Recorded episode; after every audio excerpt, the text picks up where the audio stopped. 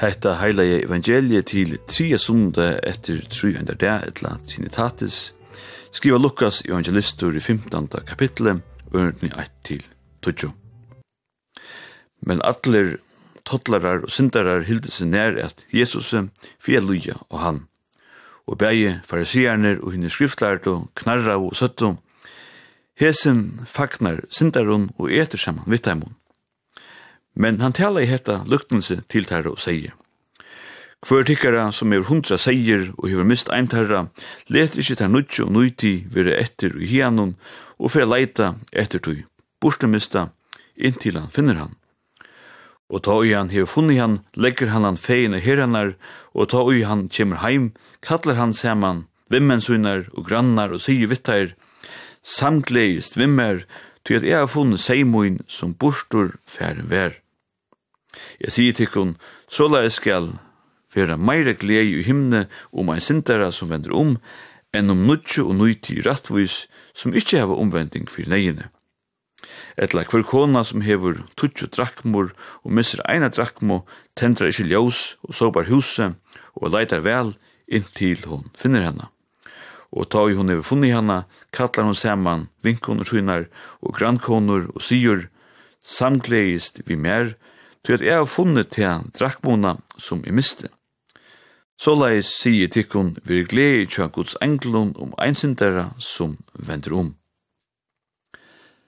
Det vært han tuske presteren Friedrich Schwenker, som sier at om vi miste alt Nudja testamentet bostur, og bare hadde funni hetta kapitlet atur 15. kapitlet til Lukas hei hetta blei haft større vire enn heldarversjene at de største iskjernon og tankjernon. Det er kjært ikkje bostur at dagsens prætikotekstur, hetta kapitlet til Lukas, inneheldur en avvursen doam som gjer okkur nekka hugsa om. Ja, ikkje sørsta humor er ui honom eisne. Alt kapitlet som det er snur som om missa, leita og finna attor. Alt kapitlet som det er, 15. kapittel tja Lukas hever hesa søvnar om hin bostumista seien, hin bostumista drakman og hin bortufarna sonen. Av hesson finna vi lykkelse om bortemista Drakman og bortevilsa sonen Beretja Lukasse, medan lykkelse om hin bortevilsa Seien eisne er, for, er fortalt av Matteuse. ta og jeg sinter Ørvus utgav. Hitja vid etter hesson bortefarna sonen, så lydges hetta ikkje sørst einare tragedio. Alt gongur gale. Men kanskje er du hisse lykkelse meira luktna vi enn komedio, tui til enda jo jo vel, og hava ein happy end. Og speise me tja lukka seg er ikkje til affæra skreft av. Vi lesa ui brygjane at tottlarar og syndarar hilde seg nær at Jesus, men bægi farsierner og tar skriftlart og knarravo. Hesen fagnar syndarun og etter saman vittamon, sier der. Og at eta er jo å gjøre fellesskap vi onkron. Ja, Jesus ber nesten om over han sätter på oss samma vi Jesus, som fariseerne så nyra. Men Jesus sverar atur vi luknelsen, nøkker søvun, som heva nøkker poeng. Og her er tutninga mykje minnast at luknelsene snikla seg om gledina er finna nekka atur og i vær. Du fellags fyrir bægi luktnelse om borstemista drakman og seien er at hever er færre fram, utan at hei ta snur seg om, vi har spurt. Te vil enn ikkje kjelta ut, etla kraut etter en ombering, at dei blir bortur. Men seia meveren gjer av, er færre ut i verena etter seien hon. Du bjergast, ta skallan.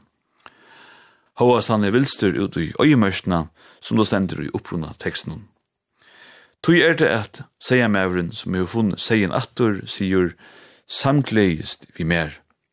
Vi kjenner årene samkjensla, samhoe og så framveges. Men året samgleie er kanskje ikke så vanligt år. Men det hette året hyren brukar, samgleiest. Kristendomur er kanskje personligur, men han er ikke ein privat sak. Kristendomur er unnakvaren øron gleina, a seta menneska og i middeplen, at vite at han som tendra i bæg støttene og manna, eisen helt lyfte som han gav okkon vi døypefunden om at han skal vera vi okkon, atla dier, alt til veraldar enda. Til han som hefur mist, men som eisen fyrir ut og leitar og finner okkon, eisen utan a spyrja okkon etter. Johan søker er, sommar er i hattene, Og vi enda kvöld vi salmnon vi det fyrrjum best kjenna som velkommen sommartøyen vi sol om fjöll og fjør. Nummer 593 i salmapoisene. Vi spela korsen i kvöld til svenske utgavna Den blomstertid nu kommer, som The Real Group synker. Gåan, sånn og det. Den blomstertid nu omkring stor. Du nalkas ljuva som